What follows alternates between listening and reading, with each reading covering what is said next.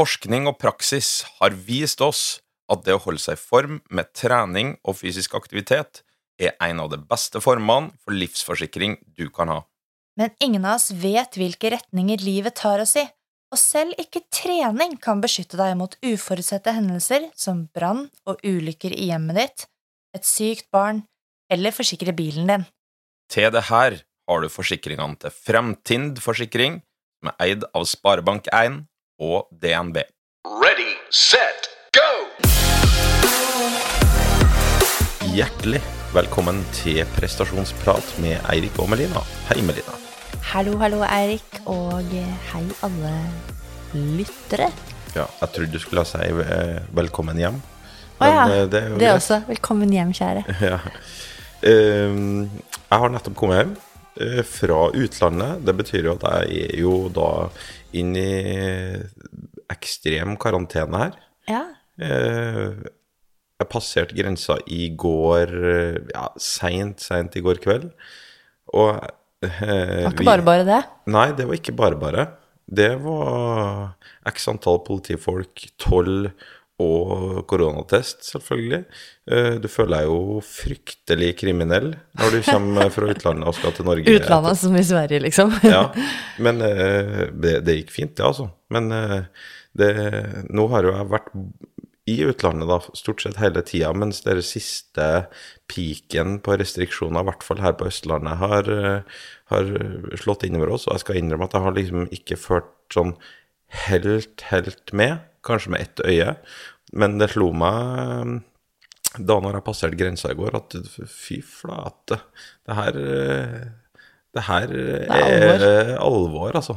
Når det er fem politifolk som eh, setter De var ganske strenge med dere òg, var det ikke det? Ja, som setter liksom eh, eh, lyset midt i trynet på og spør hva fanken eh, eh, du skal i Norge, og hva fanken har du gjort i utlandet, liksom. Eh, så det, blir litt som å komme til USA når du blir spurt om eh, what's your purpose. Eh, så, mm, men det gikk fint. Det gikk fint. Jeg har Du kom deg hjem.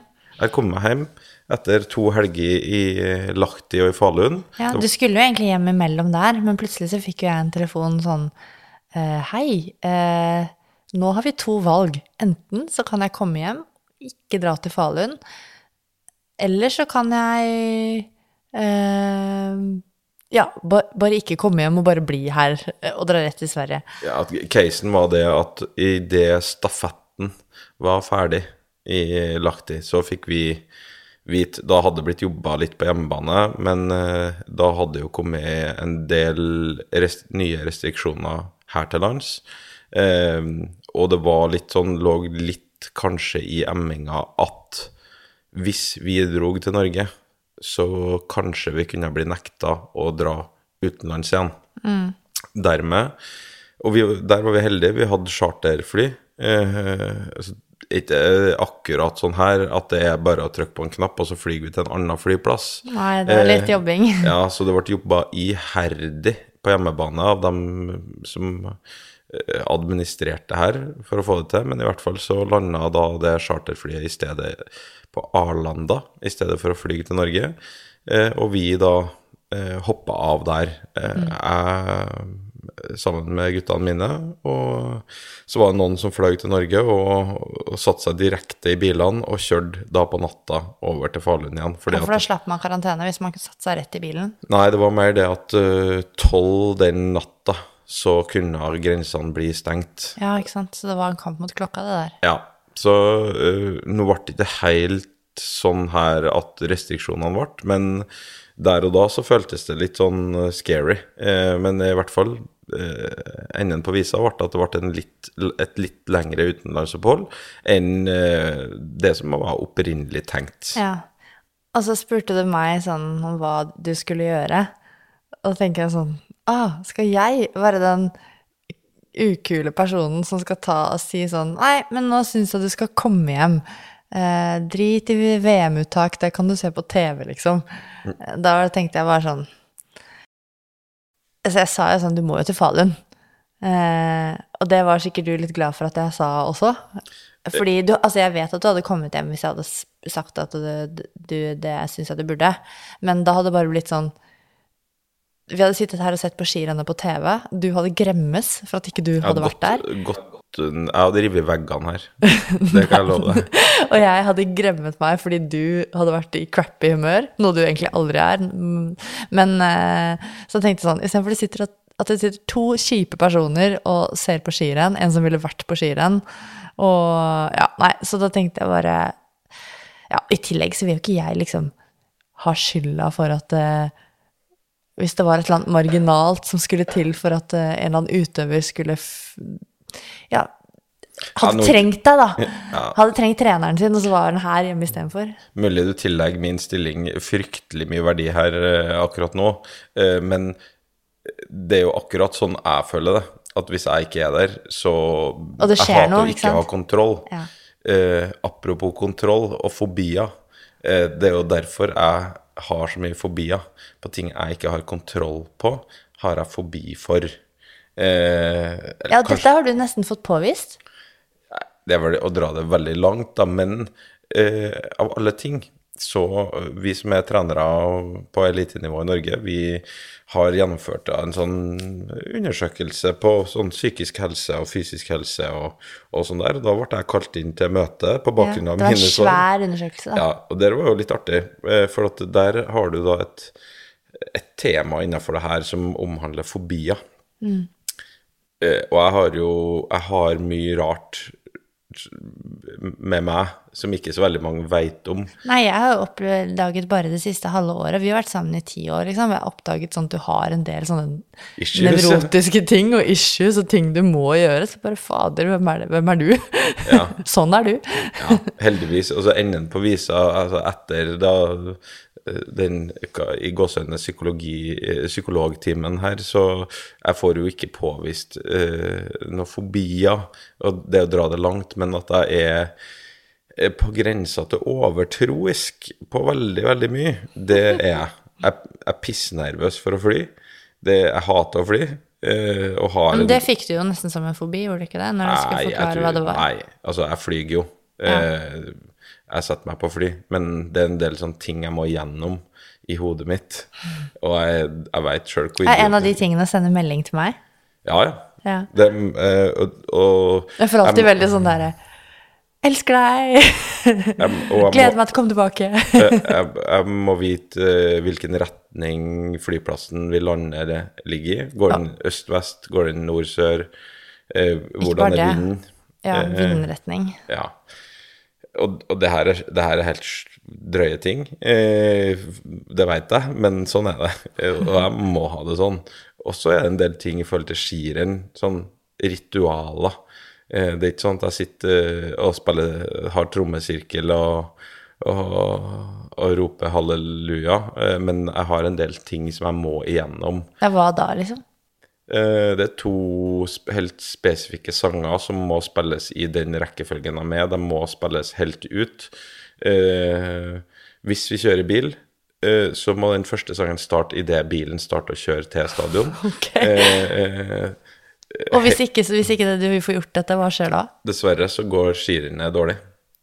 Har det skjedd? Det har skjedd. Ja. Og dermed så Det bare understreker viktigheten av det her for meg. Eh, Jeg hadde faktisk mer ting før. Eh, Det er noen ting jeg har l- ja, hva da, av. liksom? Da er jeg nysgjerrig. Eh, Nei, du har noe som heter warm-up bibs. Ja, sånn på en måte sånn vester som dere har på dere. Utøverne um, går med dem når de varmer opp og tester løypa og sånn der, og så bytter de inn det warm-up-bibben i sin, altså det nummeret de skal gå skirennet med på start. Eh, sånn var det før. I år så har vi ikke warm-up-bib fordi at pga. korona.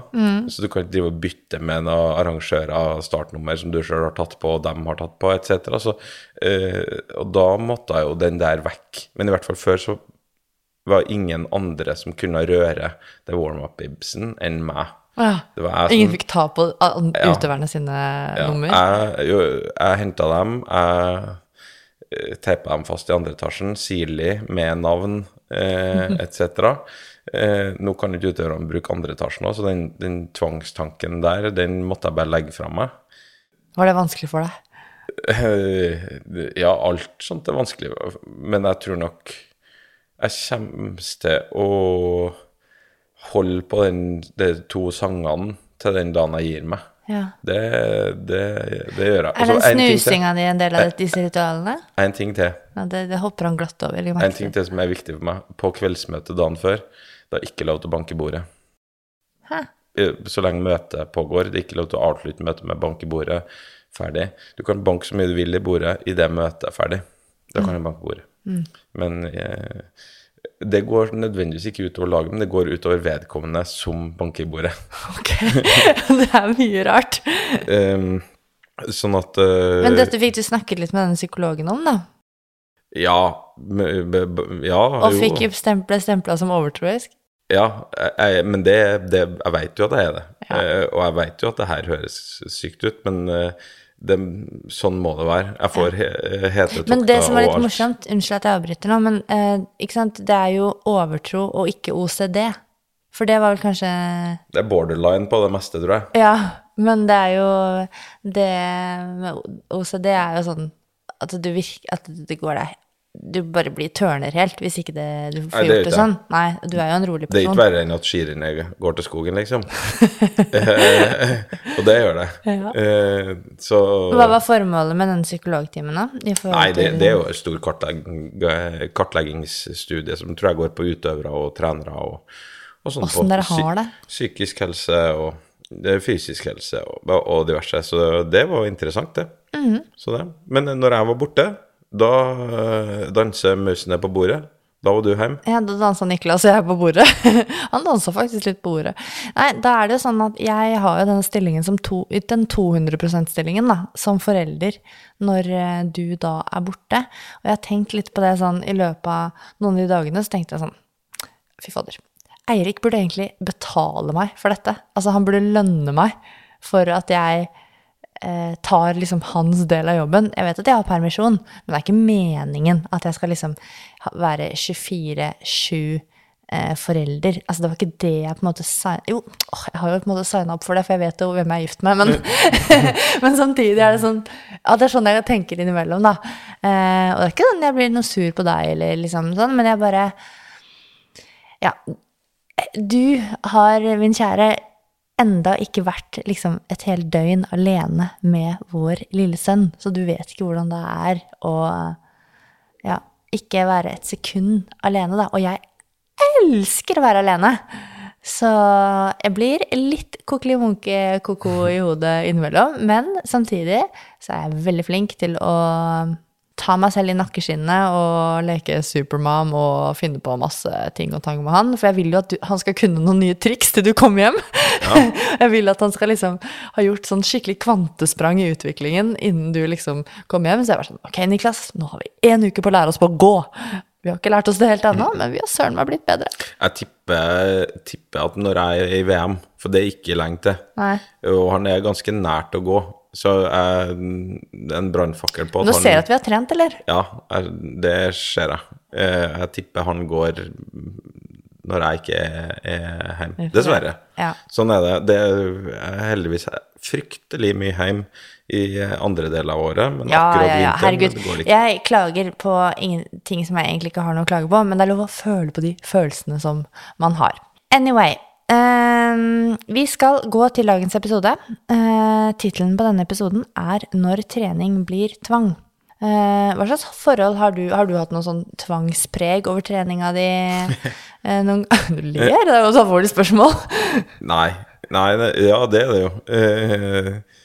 Eh, Jeg har ikke hatt noe tvangstanker om trening. Eh, Jeg, selvfølgelig, når du var aktiv, så, så trente du jo fordi at det var det du der og da ønska å gjøre for å bli best mulig på ski.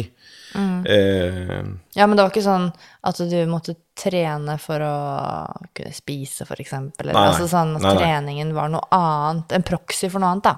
Nei, eh, og det, det, er, det eh, en veldig far out tanke eh, i forhold til mitt uh, liv som både utøver og eh, og sedat eh, etter. Nå? ja. Så at nei, jeg har ikke hatt det. Har du? Um, nei, ikke i den forstanden som vi på en måte skal snakke om i episoden. Men jeg er veldig sånn Jeg kan tvinge meg selv til å trene, men det går mer på at jeg tvinger meg selv over dørstokkmila, da. Over den terskelen. Det går mer på at jeg har eh, disiplin, og da kan Men det er ikke sånn at treningen fungerer som noe annet enn trening for meg. Altså, det er ikke det er ikke en terapi, eller det er ikke tvangs... Det, altså, jeg bruker trening til det trening skal brukes til, på en måte. Ehm, så, men jeg vet jo at det er veldig mange som uh, bruker treningen som uh, et middel for noe annet. uh, og at treningen er på en måte en om, om hvordan man trener og, og forholder seg til trening, egentlig er et symptom på andre ting, da. Eh, Så det skal vi snakke litt om i episoden, og vi har med oss en dyktig gjest. Det er eh, Ja, det kan du fortelle litt mer om, Erik. Ja, eh, gjesten vi har med oss, det er Barbro Sæta. Hun er fysisk trener og er utdanna fra Norges idrettshøgskole. Hun er sertifisert mental trener fra RAW. Hun, eh, akkurat nå så jobber hun på Sterk helse og trening på Løren i Oslo. Eh, hun har også en bachelor i ernæringsfysiologi. Hun har jobba som foredragsholder for sunn idrett, og har nå eh, en stilling som eh, vikarierende prosjektleder i prosjektet, som er akkurat det temaet vi skal ha om, når trening blir tvang, eh, i rådgivning om spiseforstyrrelser. I tillegg til alt det her som jeg har nevnt, så er jo Barbro en eh, ganske god skiløper. Ja, Du har jo vært trener for Barbro, du. Ja, lynløper. Eh, hun satser jo primært da på, på langløp. Eh, hun har vunnet flere skirenn. Eh, og det er litt sånn kul fun fact at hun var første jente som staka Holmenkollmarsjen. For dem som veit av den traseen, så er det, det er ikke en paddeflat trasé, det er et eh, sagblad i Nordmarka. Så det er ganske tøft. Vi ville ta opp det temaet om nettopp tvangspreget trening og spiseforstyrrelser, fordi vi mener jo at det er et veldig viktig tema som både trenere, utøvere og foreldre eh, til barn og ungdom som er eh, idrettsaktive, trenger mer kompetanse på. Vi skal ikke bare snakke fag, vi skal aller først faktisk få høre Barbro sin historie og bakgrunn for at hun blir, ble interessert i dette temaet. Så vi går til episoden. Så velkommen til oss i, eller meg, i Prestasjonsprat, Barbro Sæta. Tusen hjertelig takk. Jeg er veldig glad for at du eh, vil være med meg på min første solopodkast. Så det blir eh, oss girlsa i kveld. Ja, det er jo en eh, ære. Veldig fint rigga til alt her. Og ja, gøy å få være med. Glad jeg får lov til å gjeste på den. Veldig bra. Det er jo en viktig tematikk vi skal snakke om i dag. Og vi har jo eh, fått også, når vi har tatt disse rundene om hva folk ønsker å høre om, så er det faktisk veldig mange som har hatt ønsker om eh, at vi skal snakke om eh, ting som tvangspreget trening, eh, spiseatferd, eh, spiseforstyrrelser og ulike ting rundt det. Da. Det er jo veldig svære temaer. Vi skal snakke om egentlig bare en del av det i dag, da, men vi er i hvert fall i gang.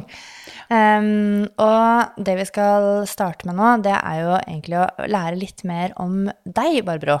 Uh, nå har vi jo tatt litt sånn i introen, uh, hva skal man si, CV-en, det faglige, men kanskje litt mer på det personlige plan, fordi før vi skal få lære mer om hvordan vi kan lære enda mer uh, om tvangspreget trening, og hva man kan hvordan man kan forholde seg til det, så eh, tenkte vi at du har en, en veldig interessant historie som jeg tror eh, eh, kan resonnere med, med mange, og som vi også kan eh, få lære av.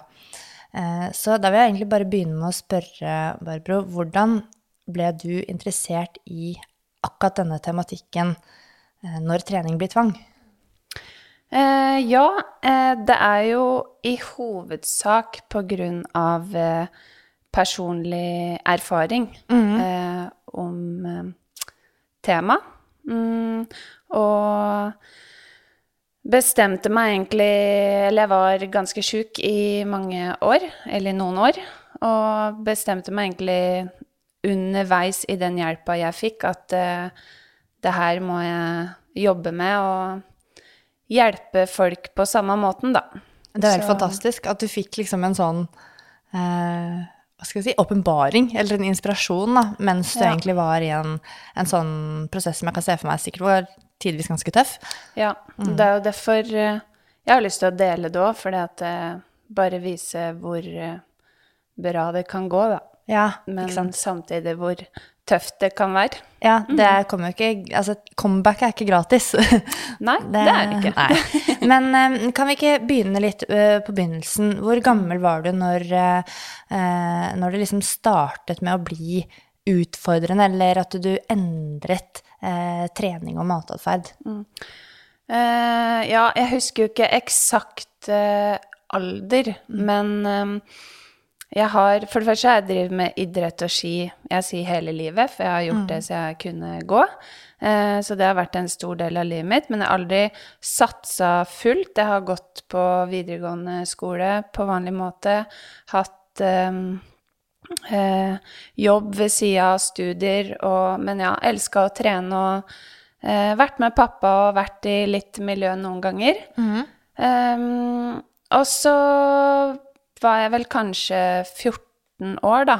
14-15 år, når eh, jeg liksom begynte å kjenne at nå begynte jeg å bli mer og mer bevisst på mat, da. Og mm, husker jeg begynte å oppsøke mer og mer info om sunn mat, hva jeg skulle spise, hvor mye jeg skulle spise. Ja, var det, bare for å spørre om det da, var det liksom um, noe som de andre vennene dine også begynte å bli opptatt av, eller var det noe som hadde, du hadde liksom, hva var det som satte deg på en måte på det sporet? ingen, ingen ytre faktorer med, om andre, bare at, eh, bare at jeg ville bli sprekere. Jeg ville bli i bedre form, og um, skal ikke finne noe årsak, men jeg blei ganske mye mobba i enda yngre alder, så jeg, og var, var god på ski, men jeg var samtidig litt større enn de fleste på min alder da, og tror kanskje ikke jeg hadde så god sjølfølelse rundt akkurat det, da. Og så er det jo, det er jo en veldig sårbar alder da, Ja. med liksom rasende hormoner, og det, man kommer i puberteten, vi vet at jenter er ekstra utsatt i puberteten også, så som du sier at det, det er jo ikke sikkert var liksom bare ytre faktorer, men at du var i endring, og så, ja, kanskje litt sensitiv da. Ja, og så i 2007 så ble jeg operert, da fjerna jeg en nyre, og mm, den uka på sykehuset så gikk jeg ned veldig mye vekt. Um, og jeg hadde en Levis-bukse som uh, jeg ikke hadde turt å bruke, fordi jeg hadde fått hørt at jeg fikk så brei rumpinn. Fy søren. Kids, men, altså. ja, men etter det sykehusoppholdet Jeg husker bare jeg går ned til ungdomsskolen. Da bare Jeg følte meg så bra, fordi den buksa bare hang på meg. Og, og folk sa liksom hvor bra jeg så ut, da, etter den uka. Ja. Um, og, uh, og de kiloene gikk jeg opp med en gang, men jeg bare etter det så bare begynte ting å balle på seg da når jeg kom tilbake da. Ja, da ble det jo på en måte Da ble jo du eh, liksom bevisstgjort, da. Det at eh, eh, Ja, folk så deg. Ja, så jeg fikk eh, noen klare mål, og det var at eh, jeg skulle bli For det første, jeg skulle bli sprek, skulle bli god på ski. Skulle bli lettere å gå i motbakker, og jeg skulle bli kvitt sprettrumpa, som jeg hadde fått hørt veldig mange ganger at jeg hadde. Eh, og så skulle jeg bli kvitt oppblåst mage. Og så skulle jeg bli kvitt cellulitter. Ja, du hadde Ja. veldig mange mål for Jeg en sånn ung jente. Mål, ja. Så det, det skulle skje ting. Ja, helt riktig. Ja. Mm. Ja, så sa du, Da oppsøkte du mye informasjon, men var det sånn at du begynte også da å Ja, hva skjedde ved matbordet? Ehm, ja, det er litt sånn diffust alt det her, men jeg hadde jo Jeg trente jo mye, og jeg eh, gikk på skole, jobba som jeg sa i stad, og, og kjenne Det er egentlig mer huet som jeg husker tilbake på, at jeg bare får mer og mer eh, et anstrengt forhold i den forstand at jeg begynner å lage meg regler, begynner å bli mer sånn tvangsprega i forhold til trening, begynner å uansett hva jeg Uansett hva som skjer, så skal jeg trene. Mm. Jeg kutta aldri ut venner, eller jeg kutta aldri ut skole, men jeg kosta meg ingenting å skulke skolen hvis det gikk utover um, Ja, hvis det, Hvis det gjorde at du fikk trent, da. Ja, Ja. hvis det gjorde at jeg fikk trent. Eh, og kjente at jeg fikk mye mer regler uh, om hva jeg skulle spise, hvor mye jeg skulle spise, eh, hva, hva mamma putta i maten. Mm. Så du Ja. liksom prøvde å påvirke litt sånn eh, Må du ha det der oppi, liksom? Kan Ja. vi ikke heller gjøre sånn og sånn? Ja. Ja. Og da eh, fikk jeg høre i ettertid at eh, mamma var tidlig veldig bekymra for meg. Det her er litt lenger ut i forløpet, da. ja. Eh, mamma var tidlig veldig bekymra, og særlig etter hun hadde lest en artikkel på et legekontor. Da har hun sagt at det var liksom som å lese mine symptomer. Oi. Da ble hun sikkert ganske redd. Ja, hun ble, var veldig, veldig bekymra. Ja. Eh, bestemor eh, hadde visst skjønt det veldig lenge, for eh, jeg hadde perioder hvor jeg både kasta opp og styrte og ordna med mye ting, og da Du blir helt Du bare er i din egen verden, og, og jeg kunne ha familiemiddag, og så tar jeg på meg skoene til pappa og går ut i skogen for å kaste opp. Og det skjønte jo bestemor. Ja. Men jeg tenkte at ingen skjønner hva jeg driver med nå. Ja, er Jeg ikke skal det påfallende? Ja. Venninna mine eh, hadde skjønt det lenge, vært bekymra, snakka mye med helsesøster. Var det noen som sa noe til deg? Sånn Eh, det var Etter hvert så var det flere og flere som bemerka at jeg hadde blitt tynnere. mm. Og det var veldig kult å høre. Det okay. var skikkelig Da var liksom Da oppnådde jeg mer og mer det Så du ble mer trigga av det enn en sånn 'å, shit, nå ble jeg tatt', liksom? Ja, Ja. da ble jeg mer trigga av det. Så husker jeg eh, pappa, da. Han var Pappa, han har alltid vært min beste eh, støttespiller, venn, alt, alt når det gjelder ski. Mm. Hvis ikke jeg hadde hatt han, så hadde jeg ikke drevet med ski og hatt den gleden av det. Mm. Og han var, han var den som holdt seg litt i bakgrunnen. Jeg husker en sommer hvor eh, jeg hadde hatt ei økt i Hafjell, en intervalløkt, og det var skitevarmt, og jeg kom hjem og lagde meg en liten kaffekopp med havregryn og et eple og en gulrot. Det var standard. Og hvis jeg var mer sulten da, så var det mer gulrot. Mm. Ikke mer det Nei, nei. Og da hadde pappa et utbrudd, og han blei da sur. Han bare Nå må du spise mer hvis du skal drive på sånn. Mm. Og du veit, jeg klikker jo i vinkel og hylgrin og blir forbanna, fordi jeg veit jo innerst inne, men Da ble du litt eh, Litt tatt på senga. Litt, ja, litt ja, og litt Ja. følte deg kanskje litt angrepet, eller? ja. Ja. Så Men full forståelse for det i ettertid. ja. Og så er det jo vanskelig å vite Man vet jo ikke som Altså, pårørende, forelder, venn Det er jo alltid og Dette kommer vi mer tilbake til, men det er alltid vanskelig å vite hvordan man skal reagere. Noen prøvde å uttrykke sin bekymring ved å si at du hadde blitt tynnere, men den catcha jo ikke du opp. Eh, og mens han eh, brukte liksom aggresjon, da, eh, for å prøve å nå frem. Det er liksom eh, Ja. Ja. Det, det, alt er jo i beste mening. Ja. Mm. Så um, begynte jeg etter hvert da med samtaler til helsesøster, og hadde da Jeg kunne liksom våkne om natta og spise kringle på kjøkkenet fordi jeg var så gira på å få det her i orden igjen, da.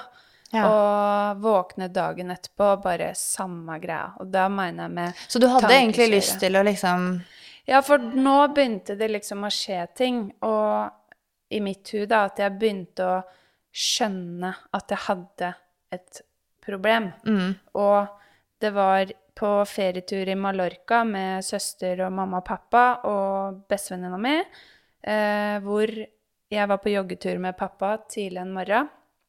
Og dagen før så hadde vi spist pizza. Og den pizzaen, den var sausa med olje.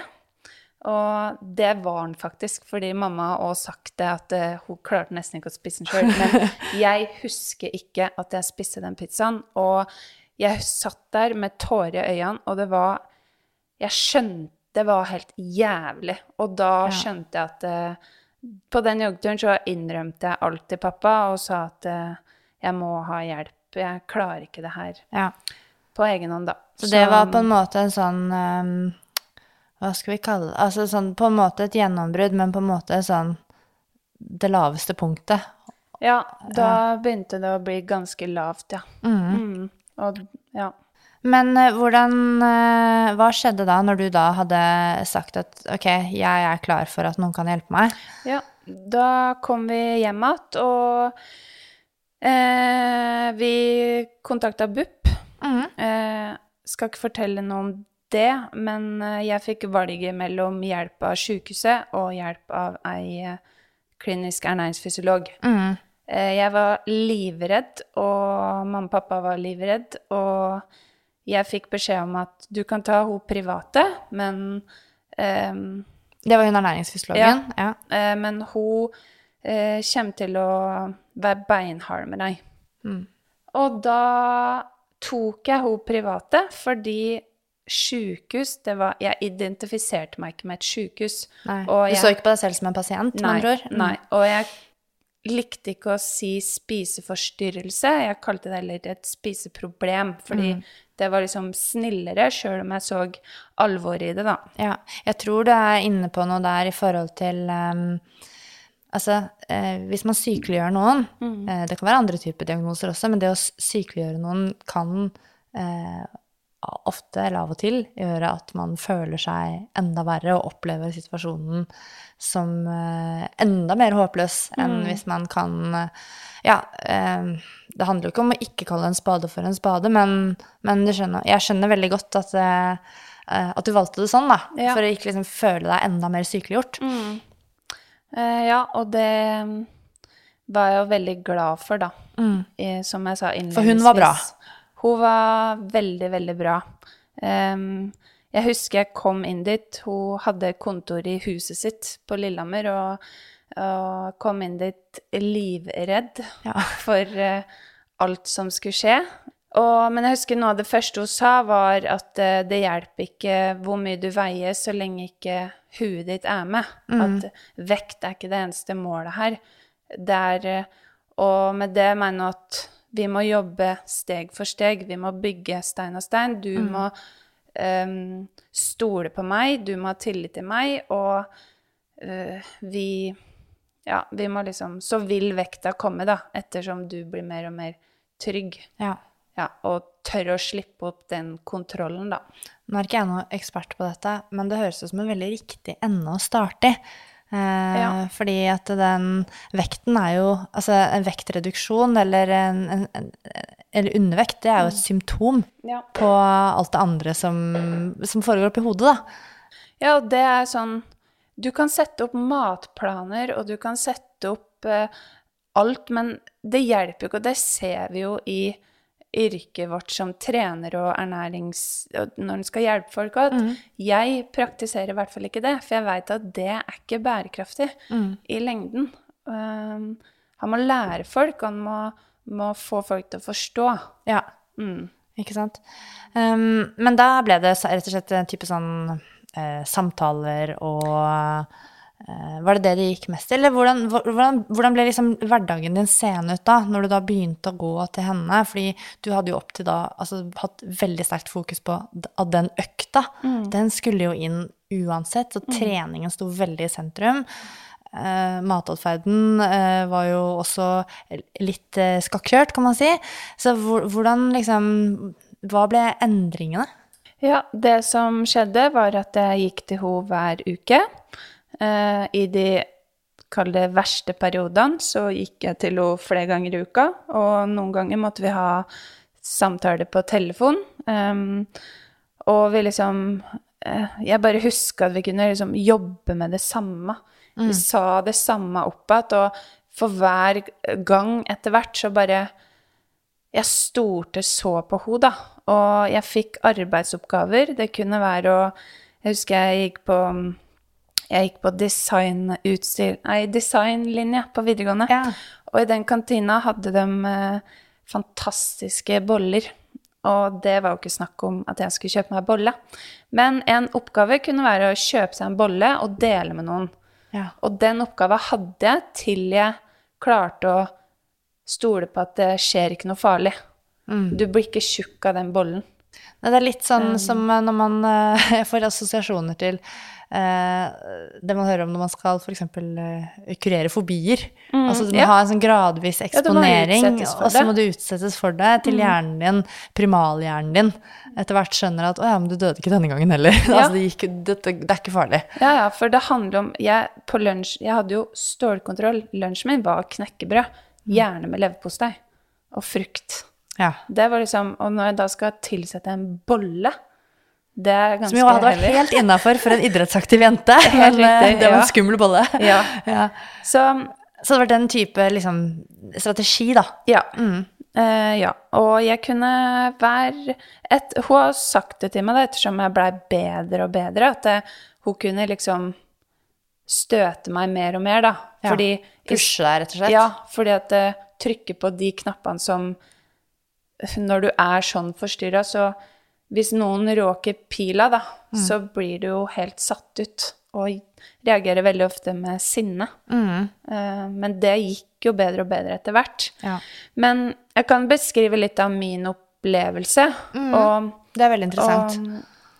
og, og det er viktig å si at det er veldig Alle har sin opplevelse, Mm. men det er veldig mange like kjennetegn, da. ja. Um, men vi For det første så er du ekstremt sliten hele tida, mm. men samtidig sterkere enn sterkest og veldig sårbar. ja, det er en heftig kombinasjon. Ja, fordi du skal gjøre alt. Du skal forbrenne mest mulig kalorier til enhver tid. Du skal ha kontroll på alt. Du skal følge regler. Du skal kjempe imot for du skal bli frisk. Og så er du livredd for å slippe den kontrollen. Og så er det helt sjukt, det som skjer oppi Ja. huet. Ja, så vi, vi beskrev den vi beskrev, Jeg hadde en svart stemme inni huet mitt som fortalte meg hva jeg skulle gjøre. Og eh, hvis jeg spiste noe som ikke var planlagt, eller oversteig det For eksempel, jeg hadde spist middag. Jeg kunne godt spise kjøttkaker til middag, men det skulle være i begrensa mengder. Jeg visste godt hvor mye jeg skulle spise. Jeg regna ikke kalorier, men jeg bare visste det. Og så var jeg på pizzadriveren i Øyer, bygda, og, og Det er den eh, sjarmerende dialekten til Barbro kommer fra. og møtte venner som åt pizza. Og jeg skulle jo da ta en bit, for det ville de jo at jeg skulle. Og da var det, da var det kjør i huet. Da feida jeg helt ut. Var ikke med mer i den samtalen. Planla alt jeg skulle gjøre dagen etterpå for å få bort det pizzastykket. Eh, og det er som en, bare en sånn eh, En sånn høygaffel som bare tetter hersen din, da. Så bare Ja. Ja, det, høres, altså, det høres ut som en sånn demon. Det er en demon, og det var den vi liksom jobba med. Jeg skulle liksom slå den ned, da. Slå den bort. Ja. Ja. Det er, eh, det er For det første, så når du forteller det, eller når du begynner å fortelle om, om hvordan Altså alt som foregår oppi huet, da, med stemmen og alt, så um, Man kjemper jo liksom mot, mot og med seg selv. Så sånn sett så virker det jo nærmest som en nesten en umulig oppgave. Ja. Eh, men samtidig så har det jo gått veldig bra. Ja, så det er jo ikke mulig. Men Nei. jeg bare reflekterer over at fy søren, det er liksom et fjell som du skal flytte, da. ja, og så er det vondt fordi du har så lyst, men du, det, det går du, du kan ikke, da. Men da er det i hvert fall viktig å se de små um, seirene, da. Ja, og det er kanskje der den stegvise strategien kommer veldig inn, da. Ja, og bare Jeg har noen eksempler med eh, Vi hadde vært på Ikea, jeg, mamma, pappa og søstera mi, og de hadde veldig lyst til å spise middag der. Det her var en lørdag, eh, og på lørdager da skulle jeg ha mine biter med Candy King. Ja. Og hvis jeg Da var det krise hvis vi skulle spise middag der. For det gikk jo utover da tida og eh, mitt, min planlegging rundt det smågodtet. Ja. Så det endte opp, den turen endte opp med at eh, jeg hylgrein, og vi måtte reise hjem. Fordi det blei altfor mye for meg. Ja. Og, og samtidig med f.eks. isspising, da. Vi hadde tradisjon med venninna mi å spise kulis, og det kunne jeg gjøre, men det, det ligger så mye planlegging bak, da. Det skal være Lunsjen skal ikke inntas på død. Det er så mye planlegging, og da er det jo ingen som ser det. Hvis, for du spiser jo den Ja. Du spiser jo det de andre spiser. Mm. Men jeg er jo ikke der. Nei, ikke sant? du er ikke mentalt til stede, og du Mm. Nei. legger egentlig planer for eh, ja, Ja. hvordan takle dette her, Mm. uten å delta i, i samtalen.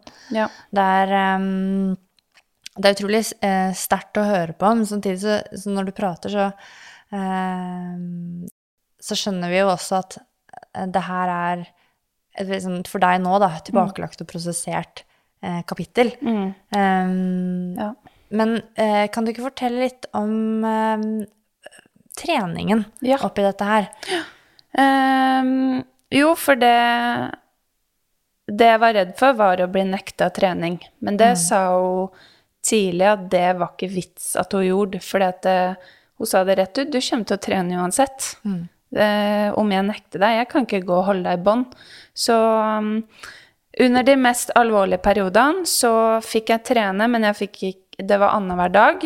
Og eh, begrensa mengde, da. Ja, så du fikk på en måte noen eh, Restriksjon. restriksjoner på, på hvordan og hvor mye og, og sånt noe, men du fikk være, drive med fysisk aktivitet. Ja, Ja. og jeg fikk òg konkurrere. Jeg skulle løpe Det var en sommer, det var på en måte på sitt verste. Og da fikk jeg løpe Birkebeinerløpet, men det var på en premiss at pappa var med rundt i løypa, i Ja. tilfelle jeg skulle kollapse, da. Ja, for det er sånn, det høres ekstremt ut i mine ører, da, at eh, du da skulle løpe Birken, men Ja. jeg skjønner eh, Ja. bakgrunnen, da. Ja, og bakgrunnen er jo den gleda jeg egentlig ha, hadde for det. Ja, og. Man skulle ikke ta fra deg liksom livet ditt eh, som du kjente det, da, og det du likte å holde på med. Ja. Så mm, det gikk jo bra, det. Jeg Ja, pappa var med òg. ja. For det skal sies at jeg spiste jo alltid mat. Ja. Jeg spiste alltid mat, men jeg spiste veldig, veldig lite, og jeg spiste i kontro, veldig kontrollerte former, da. Så sant jeg kunne styre det. Var det sånn at uh, Altså, det høres ut for meg som at de- denne sånn stegvise prosessen, det med å få lov til å drive med fysisk aktivitet, eh, få oppgaver som du skulle beholde til du mestret de, og også opplevde at det ikke var farlig, altså det var eh, sikkert med masse annet òg, da, men at det etter hvert ble en slags For deg, da, ble det en, en, en vei eh, fra, til det å bli bra. Eh, og en, jeg skulle til å si suksessoppskrift, men det blir feil ord å bruke. men, men på en måte, da. For det, Ja, det, ja, for meg så var det det. For det, det var jo der vendepunktet kom. Fordi eh, jeg husker jeg gikk skirenn, og for hvert skirenn jeg gikk Pappa sto alltid i mål, og jeg grein på Jeg grein så mye etter alle skirenn fordi jeg var så glad over at det hadde gått bra, og Ja. jeg hadde kjent på den mestringa og den Vært der jeg hadde kjørt litt, da. Og så ja, for det var en arena som du følte deg hjemme på, og som du følte mestring på. Ja. Var det derfor det var viktig? Ja. Og Skjønner. Så den hel, eller jeg kaller det for helomvendinga for Ingalomi, som er Jeg tror det er verdens største jenteskirenn. Jeg tror det. Ja, det er i hvert fall noe sånn. Det var lenge mitt hovedmål i mange sesonger, fordi mm. det, der visste jeg at jeg alltid gjorde det bra og var sterk. Og eh, i var det 2010 eller 2009 så um, vant jeg den Da vant jeg Ingalomi, og det var da jeg var underernært og sliten og egentlig ikke orka. Og jeg husker de siste tre kilometerne at jeg bare Jeg bare fikk noen sånne krefter som bare Fytti rakkeren! For å ikke si noe annet ord. At eh, den her eh, skal jeg ta. Og bare etter den seieren så bare kunne vi jobbe på en litt annen måte, da. For da, da skjønte jeg at jeg kunne. Ja. Ja. Sånn at eh, jeg har forstått det riktig da, som at akkurat det med skirenn og skigåingen, det handlet ikke bare da, om å liksom forbrenne kalorier, da. Det var også mestringsarena. Mm. Ja, fordi når du går de rennene, når du går og konkurrerer, så det vet jo du at da handler ting om noe annet. Ja. Da handler det om å gå fort. Du har ikke kapasitet kapasitet og- til å tenke på hvor mye du forbrenner, for å si det Nei, sånn. det er akkurat det. Du må det være i nuet. Ja, og det er veldig interessant da å bare se tilbake på hva som skjer etterpå. Mm. For når jeg da skal spise den baren som jeg har fått i goodiebagen, Ja. det er den spises ikke med en gang, for å si det sånn. ikke sant? Da er du tilbake. Ja. Men da har du fått den derre 90 minutterne med fri, da. Ja. Åh, det må være godt for et så travelt uh, hode. Ja, det var digg. Men um, la oss uh, liksom hoppe, spole litt fremover. Dette fungerte jo. Det, du ble jo uh, frisk, og vi har jo snakket, hatt noen samtaler før, vi Barbara, om dette her. Og jeg husker jeg tror jeg spurte deg på en biltur en gang på vei til samling om sånn Når du fortalte meg dette for første gang, da. Og jeg satt jo der litt sjokka, for jeg ante jo ikke liksom at det, til denne nye venninna mi at hadde den bakgrunnshistorien. Men eh, da husker jeg vi snakket om det om vi trodde man kunne bli ordentlig frisk. Og det finnes sikkert eh, Spør du ti personer, får du sikkert eh, litt forskjellige svar. Men da husker jeg at du sa at eh, man kan bli helt frisk. Eh, og det at du liksom aldri kan bli bra fra en forstyrret spiseatferd, det er bare tull.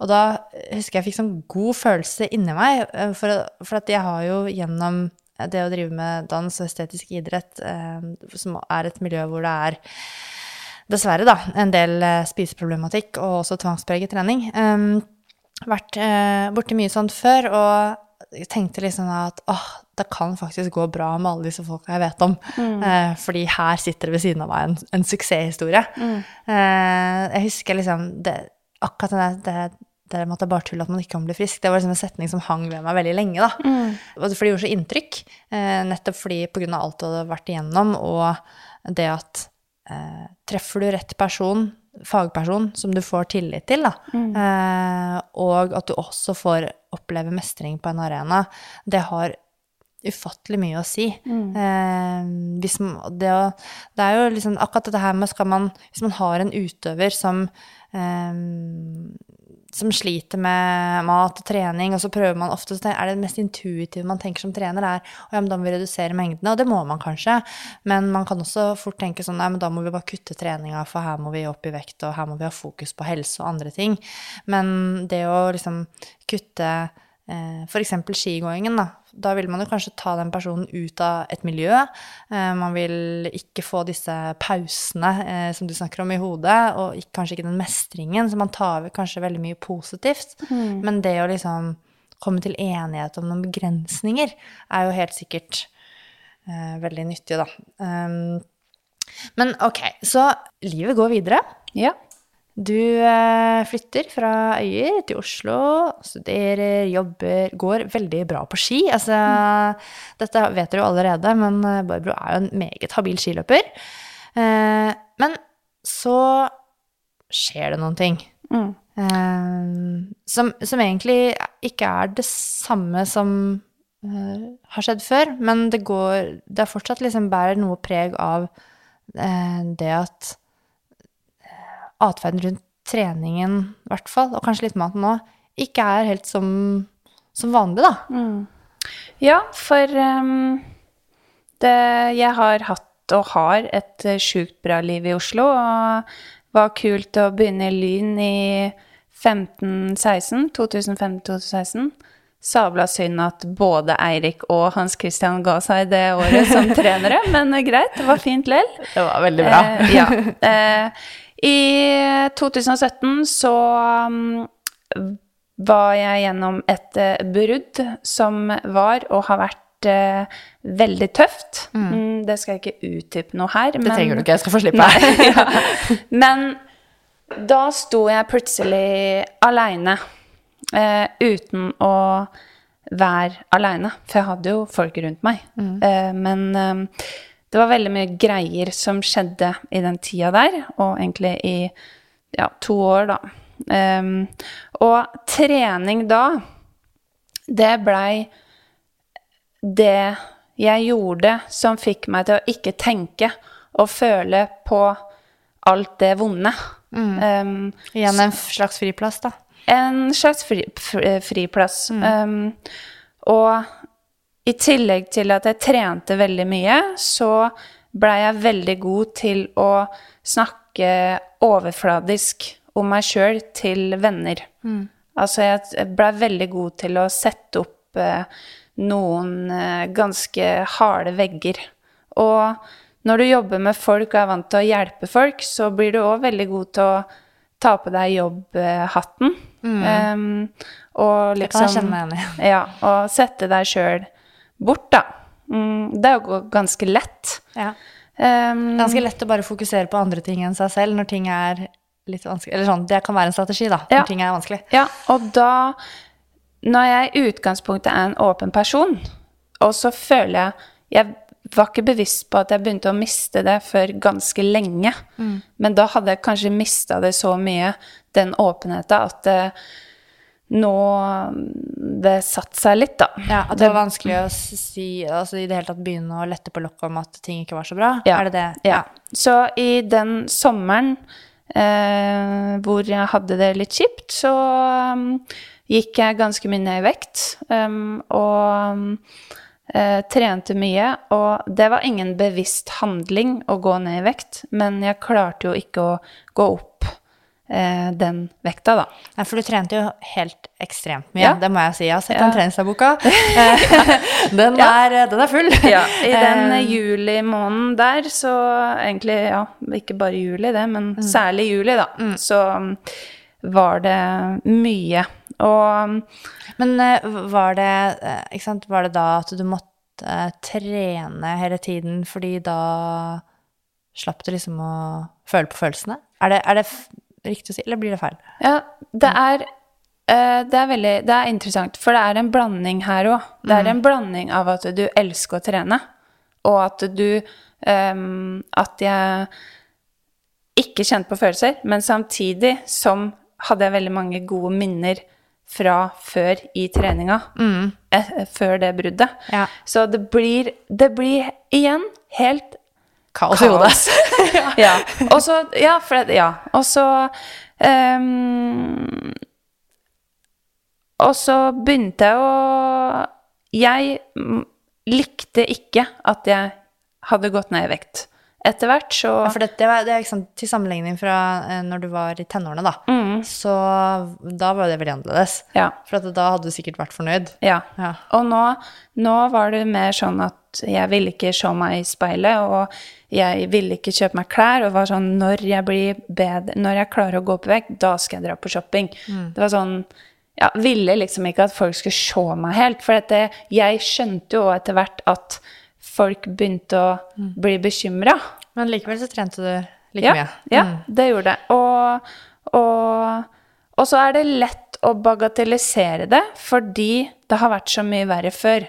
Det er lett å unnskylde fordi du har opplevd um, ting på en annen måte før, og så har du det bra, men du har det ikke bra. Mm. Ja, for det er jo litt interessant da, med at da um, Om vi skal kalle det tilbakefall eller ikke, vet jeg ikke om det blir riktig. Men eh, når du da har denne litt mm, enda røffere historien å sammenligne med, eh, så kan jeg jo skjønne at liksom Jeg vet ikke liksom, om det tok litt tid da, før du kanskje så alvoret i det.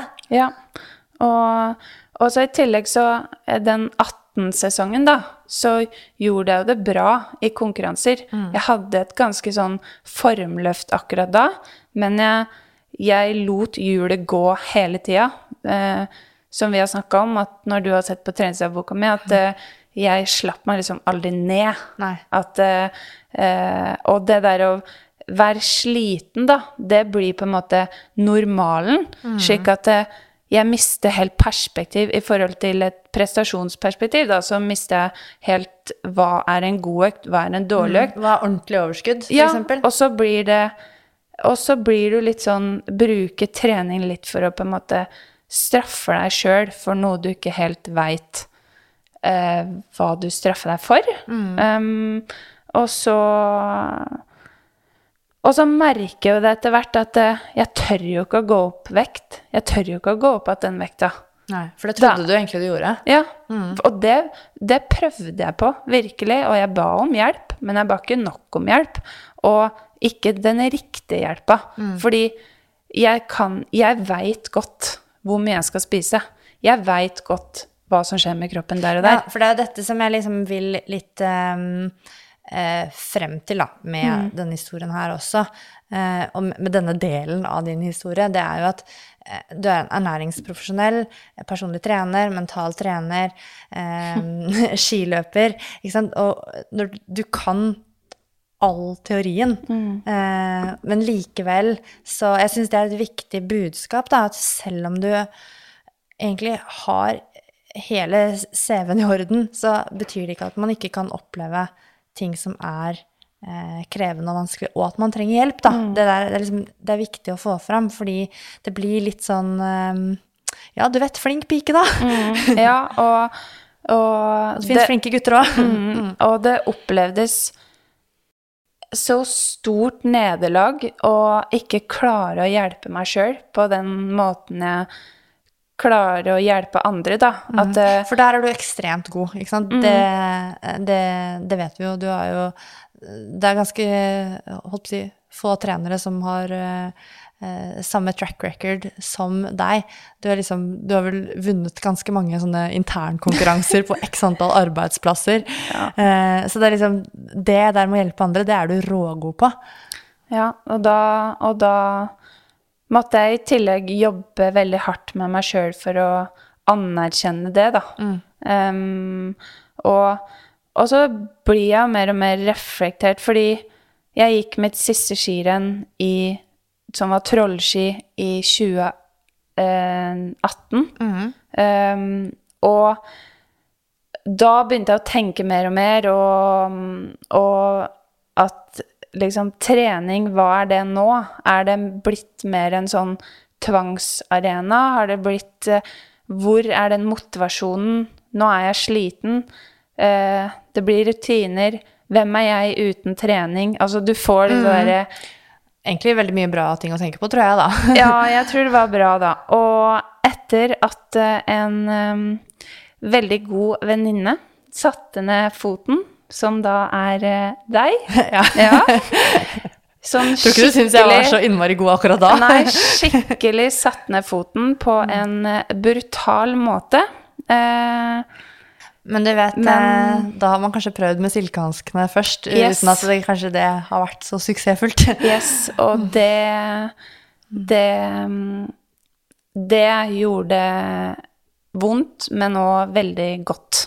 Mm. Ja, og da Etter det så Ja, alle de følelsene, da. Sinne, lei seg, redd. Eh, kaoset. Og så bare Ok, nå må jeg få orden på det her. Nå må jeg ta tak. Ja, vendepunktet. Virkelig ta tak. Ja. Ja. For, eh, ikke sant, jeg veit konsekvensene, og det vil jeg ikke at skal skje. Nei. Så, mm, og da tenker jeg over at alle skirennene jeg gikk i de, eh, den 19-sesongen, da Mm. Jeg har vært ganske sliten når jeg har gått i skirennene. Ja, sånn, det var ikke bra likevel, overskudd, men ja. ja. Fordi hvert skirenn er som et sånn eh, Når du skal ha en formtopp, da, Ja. så går du gjerne litt konkurranser for å uh, gjøre deg vant til det. Men hvert skirenn blir det. Til og med hovedmålet. Ja. Altså, du klarer ikke den formtoppen, for du er livredd for å slippe ned treningsmengda. Nei. Da, da surrer det seg litt, da. ja, det reflekterte jo eh, treningsdagboka litt, og det var litt surrete. Det var- Ja, for der er jeg ærlig. Ja, er ja, ærlig. ja. Og det, det, det er jo en nesten det er jo veldig For, for meg så, så er det en veldig sånn interessant case, fordi Og du har vært ekstremt god på å dokumentere treningen din, og også sånn følelser du hadde på en økt, eller ting du har tenkt. Så det er veldig mye god informasjon da, eh, til noen som skal prøve å eh, spare litt og sette ting i, i enda litt mer system. Um, men, eh, men uten egentlig alle, all den dokumenteringen, så had, tror jeg nok også snuoperasjonen rent sånn praktisk i treninga hadde kanskje vært um, for, fra, for mitt, fra mitt perspektiv, da, som liksom treneren da, det hadde vært mye vanskeligere. Så, så det er em, Det å føre treningsdagbok kan sikkert for noen høres tvangspreget ut hvis man aldri har gjort det, men, men det er veldig nyttig. Fordi du ser tilbake på det, og du kan se mønstre, og du ser ting som du ikke ser. Du ser sikkert ting i den treningsdagboka nå som du ikke hadde plukket opp da. I forhold til at oi, her ble det for mye, oi, her gjentar det seg, her gjør vi samme feil igjen, hvorfor gjør vi det? Eh, dette må vi ikke sant? Det, det, er liksom, det, var veldig, det var veldig, veldig bra, da, selv om innholdet ikke alltid var ja, Selv om det var litt kaos. Ja, Men, eh, men eh, ja, så da er det liksom katta ut av sekken på det at jeg var, den som ehm, Og sammen med en til, da, eh, eh, prøvde liksom å gjøre det vi kaller en intervensjon. Um, og det betyr jo at nå gjør, man, man gjør et eller annet for å virkelig prøve å nå frem. Uh, ofte er det jo en eller annen samtale, men en, mange sånne type intervensjoner, da, når man skal liksom prøve å nå frem til noen som man mener trenger hjelp, det kan være innenfor andre ting også, uh, så er det jo veldig ofte sånn at den som eh, den det gjelder, blir, kan bli veldig sint. Eh, og eh, at det tar Jeg har jo vært i en sånn situasjon før. Før, eh, før det var du som var den personen. Eh, hvor det samme også skjedde, at vi hadde en, en eh, god venninne på videregående og som ble veldig syk, og så eh, prøvde vi å si ifra eh, på mange milde, snille måter, og det skjedde ingenting, men eh, eh, så sa vi fra til Eller vi gikk vel til foreldrene hennes, og, og da ble hun fryktelig, fryktelig sint. Eh, men det gjorde også at man fikk satt i gang en, en del eh, prosesser, da, sånn at hun fikk hjelp og etter lang, lang tid ble frisk. Eh, og senere da eh, takket for den hjelpen. Men det var vel ett til ett og et halvt år der vi ikke var venninner. Eh, sånn at på bakgrunn av den erfaringen med at det kan funke, så får vi heller bare ikke være venninner en stund, da, hvis det er det som skal til. Så liksom tok vi motet til oss da og eh, prøvde. Eh, og da ble du ganske sint, Barbro. og Ja. det er, er man jo på en måte fullstendig berettiget til òg, tenker jeg. Men det jeg vil frem til med det her, da, er at det, å bry seg er ekstremt viktig. Og selv om ikke um, Man vet aldri hvor lang tid en sånn stor snuoperasjon eh, kan ta. Noen er ekstremt eh, gode og, og flinke til å omstille seg raskt, uh, og at man klarer å, å få det bra igjen og bli, hva skal jeg si, frisk i gåsetegn relativt raskt. Mens for andre er det en årelang prosess. Sånn at man vet jo ikke hvor lang tid det tar.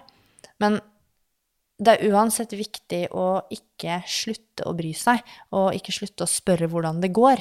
Ehm, for det er veldig det jeg også kjente på i den prosessen, eh, eller i forkant av denne intervensjonen, som jeg da kaller det, det var jo det at eh, åh, nå har jeg enda en venninne som ikke har det sånn som hun egentlig bør ha det. Eh, orker jeg den greia her igjen? For det er jo, det er jo liksom hardt å være pårørende òg, kan man si. Eh, så da trakk jeg meg litt unna.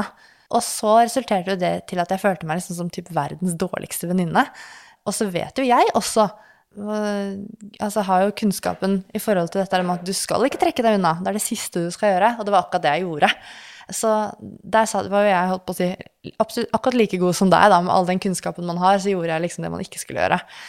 Men så liksom fikk jeg jo kommet meg rundt da, til å liksom ja, kjenne på at ok, men um, det er bedre å si noe enn å ikke si noe.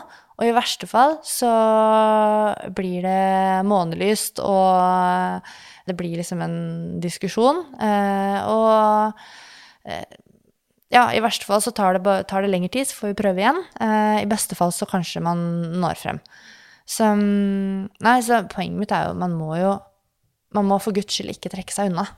Nei, og så tror jeg at det er viktig å Du Jeg føler jo du kjenner meg ganske godt, og jeg kan jo Jeg er en ganske bestemt person, og litt sånn Det er en god egenskap, syns jeg. Ja, ja det syns jeg òg. Men da er det kanskje det som trengs, da. Å bli sagt fra litt.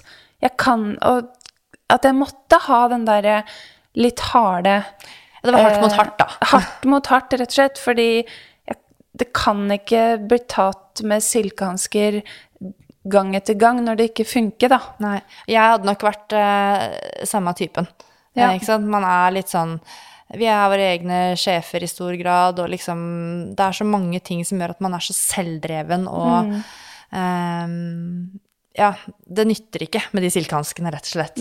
Ehm, og det er sikkert ikke riktig for alle, men uh, der kjenner man seg selv, da. Ehm, men da ble det jo en ny liten sånn snuoperasjon, da. Ja. Um, så hva skjedde da? Ja, da bestemte jeg meg for det første å ta konkurransefri. Bare legge fra meg det jaget om at nå er det vinter, nå skal jeg gå konkurranser. For det er liksom, det er bare tradisjon. Jeg husker du sa til meg sånn mm, Akkurat nå er jeg ikke motivert for å konkurrere, jeg bare gjør det fordi jeg alltid har gjort det. Ja, Ja. ja det blei litt sånn. Og Uh, jeg, jeg, tror ikke jeg trente så veldig mye mindre, men jeg bare bestemte meg Det var bare å uh, prøve å finne tilbake den gleden, da. Som jeg alltid har hatt. Og Man tar jo bort et prestasjonspress, da. Når Ja. man, eh, du, det, er nesten, det er jo ikke riktig å si at du ga deg selv konkurransenekt, men, men det var nok ganske smart at du, tror jeg, da, at du valgte å liksom legge fra deg startnummeret og fokuset på det, for det er veldig Ja. sånn ytre fokus. Ja, og det jo er jo en form for å Det skal jeg si litt etterpå, men at det, å møte Møte frykten litt, da. Og liksom, hva skal jeg gjøre hver lørdag og søndag i vinter når jeg ikke skal gå skirenn? Og i tillegg er tidenes A-menneske, og Ja, så eh, det var litt sånn eh, Litt sånn redsel knytta til det òg, men egentlig var det veldig, veldig godt. Um, og så ba jeg om hjelp. Jeg ba om hjelp annet av deg, da, til å ta over Du er en person jeg ser ekstremt opp til, og hvor dyktig du er som fagperson og, Og og god venninne, da. Eh, ba om hjelp til em, trening. Eh, fordi jeg må ha en jeg liksom Hvem som helst kan ikke styre min treningsdagbok, rett og slett. Fordi Nei, jeg føler jeg har litt kunnskap sjøl. Ja, Ja, ja. ja. Så, og så ba jeg, har jeg, ba jeg om psykologhjelp. Mm. Ja, for å få um, noen å snakke med. Så Mm. det har vært og er en prosess, men jeg er et helt annet sted nå. Og så må jeg bare si at jeg tok tid etter jeg anerkjente det med jobb meg og ikke jobb meg. Det er to helt forskjellige ting. Jeg som jobbperson, det her, min erfaring, tror jeg bare gjør meg sterkere i mitt fag eller mitt yrke. Eh, og hvis ikke jeg kunne vært i stand til å ha en profesjonell rolle, da hadde jeg ikke gått på jobb. Nei. Så det er to forskjellige ting, men det handler om da å vise sårbarhet når du ikke er på jobb, da. Ja. Som er en treningssak. Ja, det er det. Det er nok en sånn slags muskel man kan eh, øve seg på og trene opp til Ja. liksom eh, At man tør å, å, å lette litt på lokket og åpne opp litt, da. Ja, så Um, jeg kan, eh, det er sikkert mange som er nysgjerrig på hva vi gjorde med den treninga di. Det hadde sikkert jeg vært, hvert fall, hvis jeg hadde lyttet nå. Um, og det innebærer jo Altså, vi kan ikke gå masse i detalj, for det er jo masse, masse treningsdata og masse system, men, men um, jeg kan i hvert fall si at sant, Du snakket om at du lagde deg masse regler i starten, og regler høres jo veldig sånn strengt ut, og at man ikke skal ha så mye regler, kanskje. Men jeg lagde jo noen regler, da.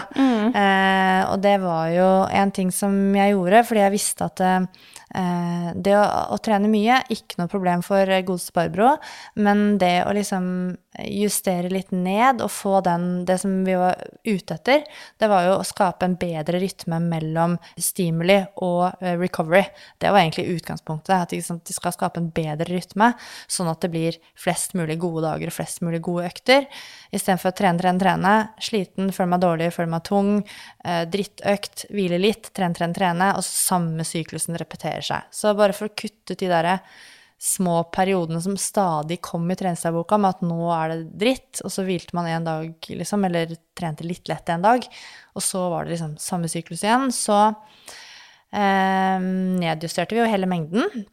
Det var jo veldig mye mengde, så det var ikke noe vanskelig. Eh, så jeg eh, satte opp sånn at du kan maks trene dette volumet. Du kan gjerne trene mindre hvis du selv ønsker det, men dette er det maksimale. Eh, og det tror jeg kanskje var ganske greit å bare forholde seg til. Ja, veldig. Og bare det, du kan gjerne trene mindre. Det er sånn heller fem minutter mer. Men det er bare for at du kan maks trene det av en person som du Altså, jeg har ja, jeg trener ikke me mer hvis ikke jeg detter på rulleski og bruker litt lengre tid hjem, da. Ja, ja, Som skjedde et par ganger. Men ikke sant, det er bare vær og vind i ja, betraktning. veldig, veldig, veldig bra for meg. Så det var egentlig kanskje sånn én veldig enkel regel, men ganske avgjørende da, for, eh, for opplegget. Mm. Og så handler det jo ikke bare om mengde, vi styrer jo med andre ting også, men, men det var liksom en måte å gjøre det på. For da, da bestemte jeg én ting, men så kunne du bestemme litt rundt utenom det, da. Så altså, det var i hvert fall kanskje noe vi kunne dele derfra. Ehm, nei, det er som du sier, det er jo en prosess, men um, Og det er jo helt eh, Sånn som når du sitter overfor meg her i dag, så vet jo jeg, og jeg både ser og jeg vet, at du er uh, på et helt annet sted. Uh, og jeg tror jo også, som du sier, at det, altså det er jo alle de erfaringene som vi putter i ryggsekken på, uh, som menneske. Uansett hvilken arena det vil være på. Eh, nå er det da det personlige plan, men da ispedd mye av det idrettslige og treningsmessige også. I ditt liv så er jo, ikke sant, som i mitt liv, så er jo det jobb og, og fritid Det går på en måte så hånd i hånd, men det er et klart skille der eh, mellom den profesjonelle og privatpersonen. Men det du lærer eh, på den privatpersonarenaen, gjør deg jo mer styrket som en profesjonell, tenker jeg. Det er jo livserfaring. Um, så man blir jo kanskje bedre til å lede andre når du nå har fått ekstremt mye og variert trening i å lede deg selv. Ja.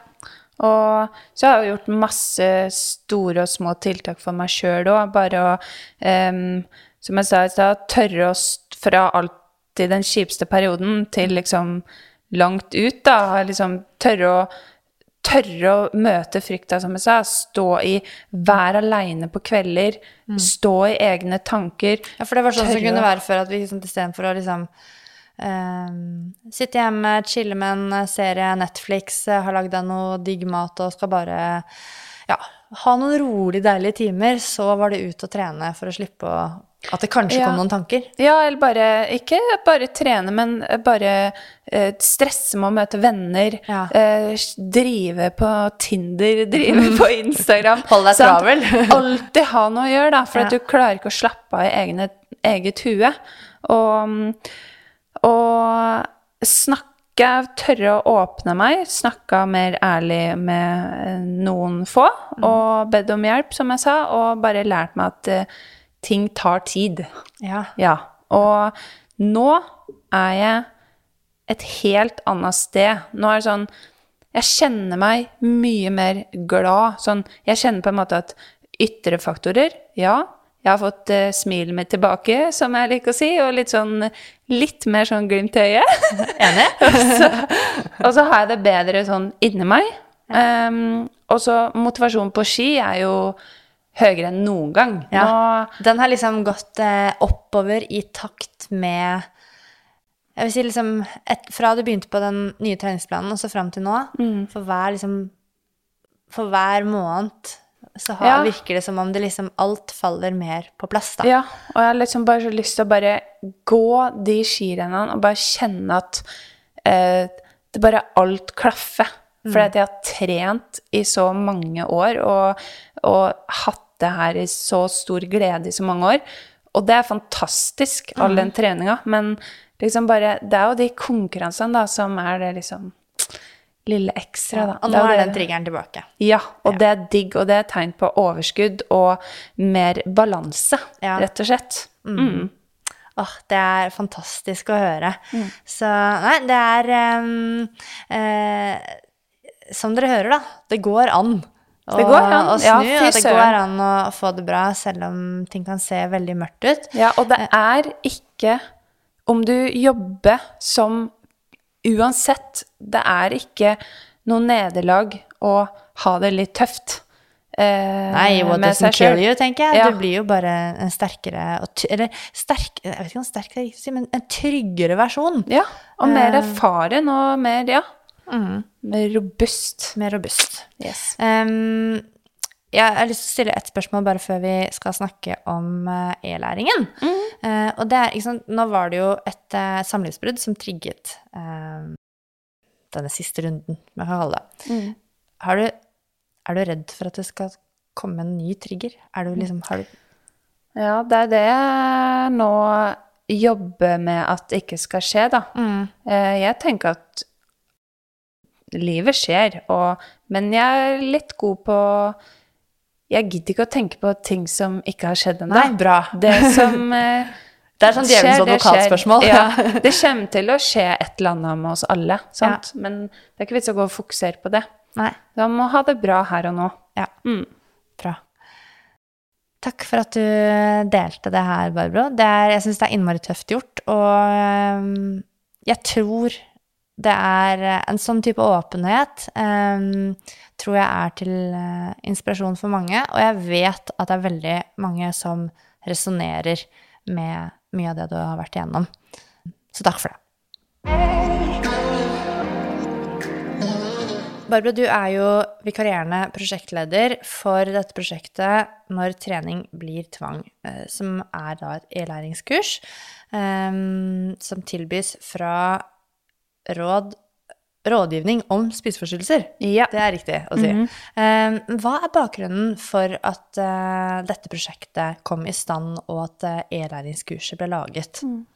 Ja, bakgrunnen for det er uh, rett og slett et økt behov for kompetanse. Mm, I hovedsak ja, om spiseforstyrrelser, i hovedsak for treningssenterbransjen. Mm. hvor det før ikke har vært så veldig interessant for folk, men uh, vi i ROS har opplevd stadig større etterspørsel, da. Ja, så rett og slett laget på etterspørsel. Ja, og ja. akkurat fordi at spiseforstyrrelser er et skjult problem og vanskelig å få tak på, så uh, er det viktig å sette det litt på plan, da. Jeg har tatt det e-læringskurset selv, og jeg vet at det er designet med tanke på treningssenterbransjen. Og så har vi jo, for idretten, så har vi jo sunn idrett. Men jeg må si at når jeg eh, tok kurset, så tenkte jeg at dette her er jo veldig bra å ta for idrettstrenere. Eh, og det er veldig bra å ta for eh, foreldre eh, til eh, Ikke bare idrettsbarn, men eh, eh, For dette, det er jo noen caser der som vi kommer tilbake til, og, og litt refleksjoner og, og ting man kan lære som jeg tror er veldig nyttig i forhold til det med å plukke opp noen signaler, vite hva man skal gjøre hvis man bekymrer seg, ja, hele den pakka der, da. Så jeg tror jo jeg syns i hvert fall at det, det passer også for eh, egentlig de fleste, da, som har lyst til å lære noe om den eh, tematikken. Ja, og eh, ROS har jo fokus på forebygging. Og, og fokus på det både organisert og uorganiserte arenaer. Og da er det to tiltak som er veldig viktige for oss, og det er blant annet å utdanne og lære folk og ansatte, og eh, redusere fokuset på kropp, da. Og det er jo relevant på all, mange arenaer. arenaer, egentlig, da. Mm, ja, ja. Um, men vi har snakket eh, litt om spiseforstyrrelser, vi har snakket litt om tvangspreget trening fra da en, et personlig perspektiv. Men hva har egentlig trening med spiseforstyrrelser å gjøre? Eh, nei, godt spørsmål, men det er jo eh, Det at trening blir ofte en eh, altoppslukende arena som veldig ofte tar overhånd og er nært knytta til mat og kropp og følelser, som da ofte er en naturlig del av et sånt problem, da. Ja, fordi de fleste problemer er jo faktisk multifaktorelle. Ja, Ja. det er jo ofte ikke bare én faktor. Mm. Men eh, burde kanskje spurt om det aller, aller først, da. Men hva er egentlig definisjonen på en spiseforstyrrelse? Ja, mm, da leser jeg rett fra boka. Gjør det. Og det er alvorlige psykiske lidelser som defineres av en overopptatthet og et problematisk forhold til mat, kropp, vekt og følelser. Så det er rett og slett et vi-definisjon. ja, så når eh, eh, tanker, atferd, handlinger tar rundt kropp og mat, tar overhånd, tar kontroll på eh, livet ditt og fører med seg misnøye i hverdagen din, det er da det begynner å bli et stort problem. Og det er viktig å si at det er helt normalt å ha dager hvor du føler deg hvor du ikke føler deg helt på topp, eller hvor du eh, bommer litt på kostholdsfronten, for Ja. å kalle det det, da. Ja. Men du trenger ikke å ha et problem for det. Nei. Så det er viktig å skille mellom dem to, da. Ja. Eh, men det fins jo også forskjellige typer spiseforstyrrelser. Hvilke er det vi skiller mellom? Ja, vi har jo fire eh, sånn kjente hovedkategorier, da.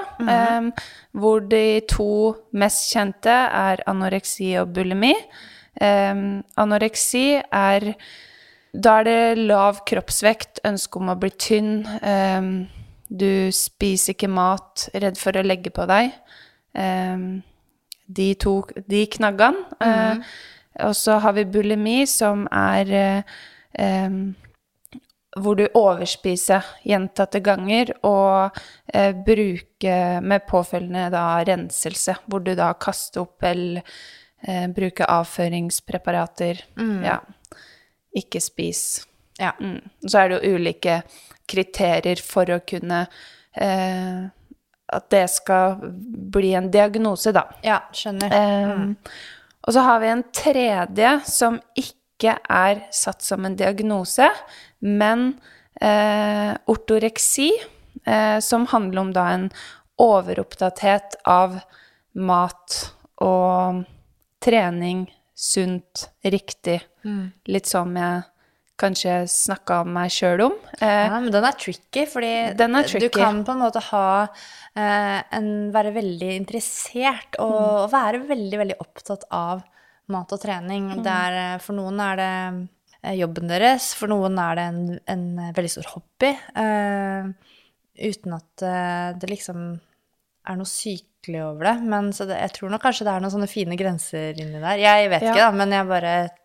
Ja, veldig ofte så er jo den De to um, Hvis du skal ha en diagno bli satt en diagnose på, da, det er jo ikke, det er ikke noe mål om å sette diagnoser. Nei. Det viktige her er at um, ja, Hvordan du har det, og hva du gjør. Ja, hvordan du har det, og hva du gjør. Mm. Sånn at ehm, Men veldig ofte så er det kanskje noe anorektiske trekk eller bulimistiske trekk Mm. eh, over i et ortorektisk bilde, da. Ja. Um, ja, som Ja. en må få klarhet i. Mm. Den fjerde, eh, muskeldysmorfi, også kalt for megareksi. Ja. Eh, kanskje mest relevant for eh, gutter, eh, men det vil da være en overopptatt av å bli muskuløs. Eh, aldri fornøyd med egen kropp. Um, trene mye, veldig ofte på trenesenter. Uh, går ofte på ekstreme dietter. og- Får litt sånn assosiasjon til, eh, til fitness, jeg også. Men nå vet jeg jo at det, Jeg prøver ikke å fornærme fitnessmiljøet, men, eh, men eh, ja, jeg får litt assosiasjoner til Ja, det. ja.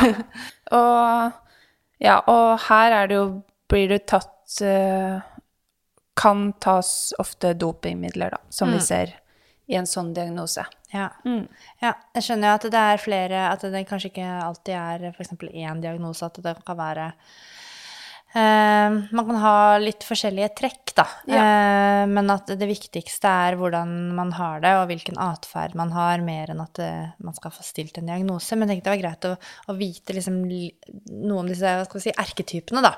Um, for det handler jo litt om hva slags kjennetegn er det vi skal se etter. Um, og hva, uh, ja, hva, det, hva slags uh, tegn er det som kan gjøre seg til kjenne når, uh, når vi skal være oppmerksomme på personer som er rundt oss, for å være et godt medmenneske. Um, så dette her med Du nevnte jo ordet overopptatthet eh, en del ganger. Eh, er det det som på en måte er kjennetegnet da, på at når du går fra eh, det som man kan kalle et optimalt eller et, et eh, riktig fokus da, på trening og kosthold, til at det liksom tar litt av?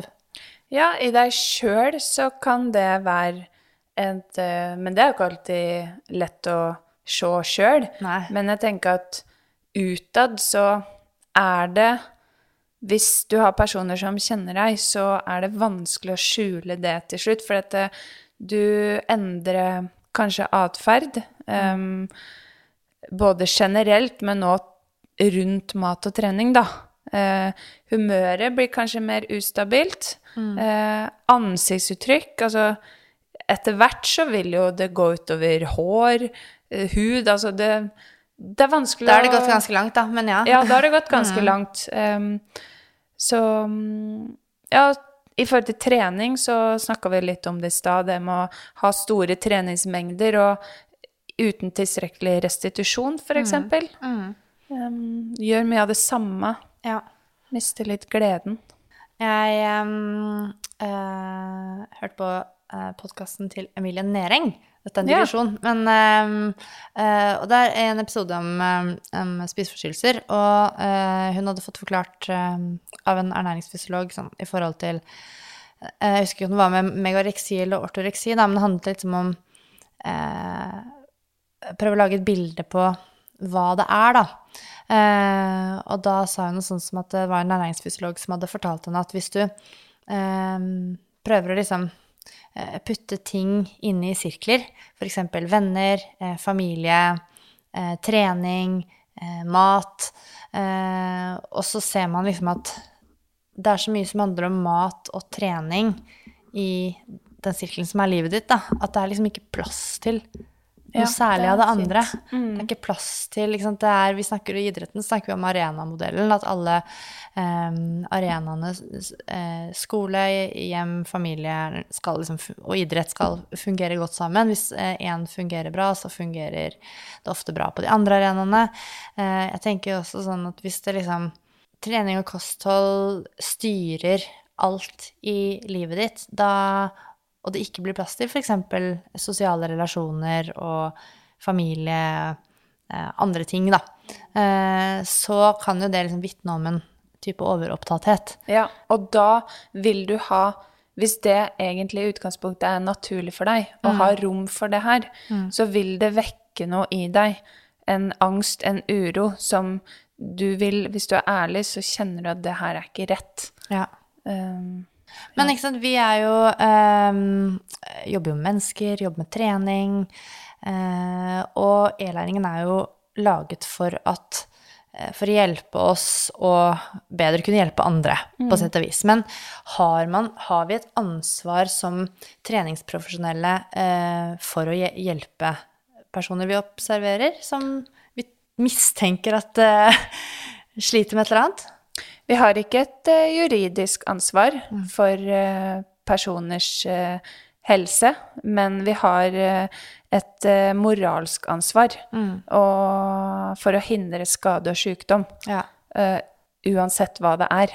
Det tenker jeg gjelder både treningsbransjen på idrettsarenaen. Ja. um.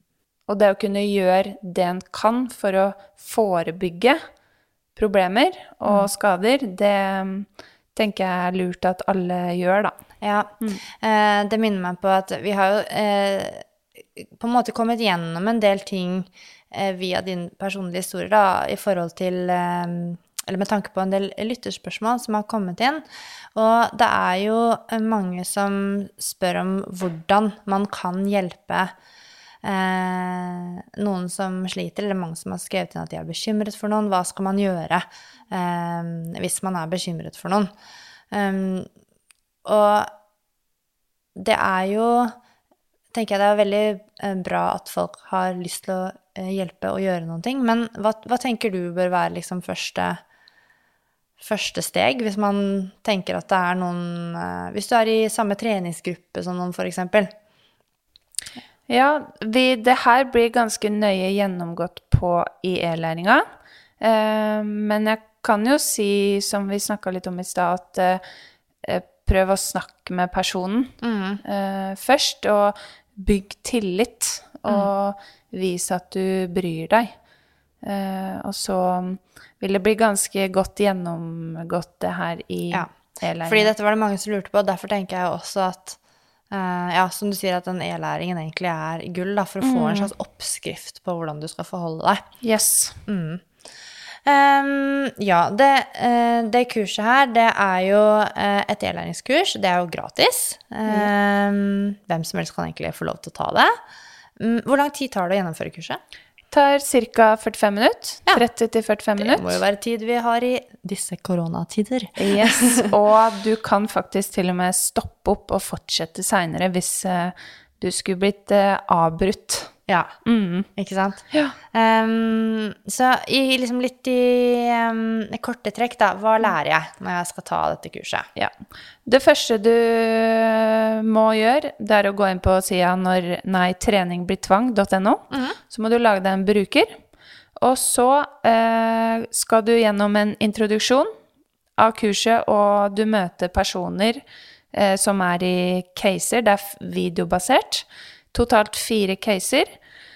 Ehm, etter du har blitt litt bedre kjent med dem, så går du gjennom en og en case om gangen. Og det er viktig å si at vi, når vi har lagd det her, så har vi prøvd å ehm, Vi har lagd caser som jeg tror veldig mange kan eh, kjenne seg att i, men som ikke er den typiske eh, spiseforstyrrelsen da, som vi snakker om eller ser. Ja, for det er jo noen stereotypier eh, Ja. i dette temaet her. Ja, Mm. så, Det er bra. Ja, og underveis så vil det bli stilt ulike refleksjonsspørsmål og med svaralternativer, hvor du kan velge flere, og etter eh, endt svar er gitt, så blir det, vil du få litt mer informasjon rundt den, det spørsmålet, da. Eh, etter alle casene er gjennomgått, så er det myter og fakta som du skal svare på. Eh, punkt Jeg skulle til å si det er gøy, men altså, det er et alvorlig tema. Men jeg syns alltid sånn myter og fakta er litt sånn morsomt, da. Det er veldig, ja, morsomt. Og, ja. og litt sånn konkret, da. Ja. Og så eh, Punkt nummer fire er jo da den berømte bekymringssamtalen. Da fokus på treningssenterbransjen, men igjen, det kan relateres i alle arenaer. Ja, jeg syns det. Man må på en måte bare bruke nøtta litt og, og tenke ok, Yes. hvordan, hvordan kunne dette sett ut eh, eh, på en måte i forhold til en venn, venninne, familiemedlem? Hvordan Mm. kunne dette sett ut på, eh, i et idrettslag? Men ja, jeg er enig. Pass for alle. Ja, og det siste er da eh, konsekvenser. Litt sånn eh, en sånn avslutning rundt eh, hva du kan gjøre, og en sånn tankevekker, da. Er det noen eksamen? Eh, ikke noe eksamen Ikke noe å grue seg til, med eh, andre ord. Nei, Nei, sant? Nei. Noen ganger er det sånn kursprøve, og så vet jeg at eh, mange kan liksom droppe å ta en sånn online-kurs fordi at det er denne Ja. skremmende kursprøven, men det er ikke Nei, det her er gratis eh, kompetanseheving, rett og slett. Mm. Veldig bra. Ja, så vi anbefaler jo selvfølgelig alle ehm, å ta denne e-læringen. Ja. Ehm, Og så må jeg bare skyte inn at vi i ROS, vi er her for alle som eh, har spørsmål, og som eh, trenger noen å prate med, lurer på noe.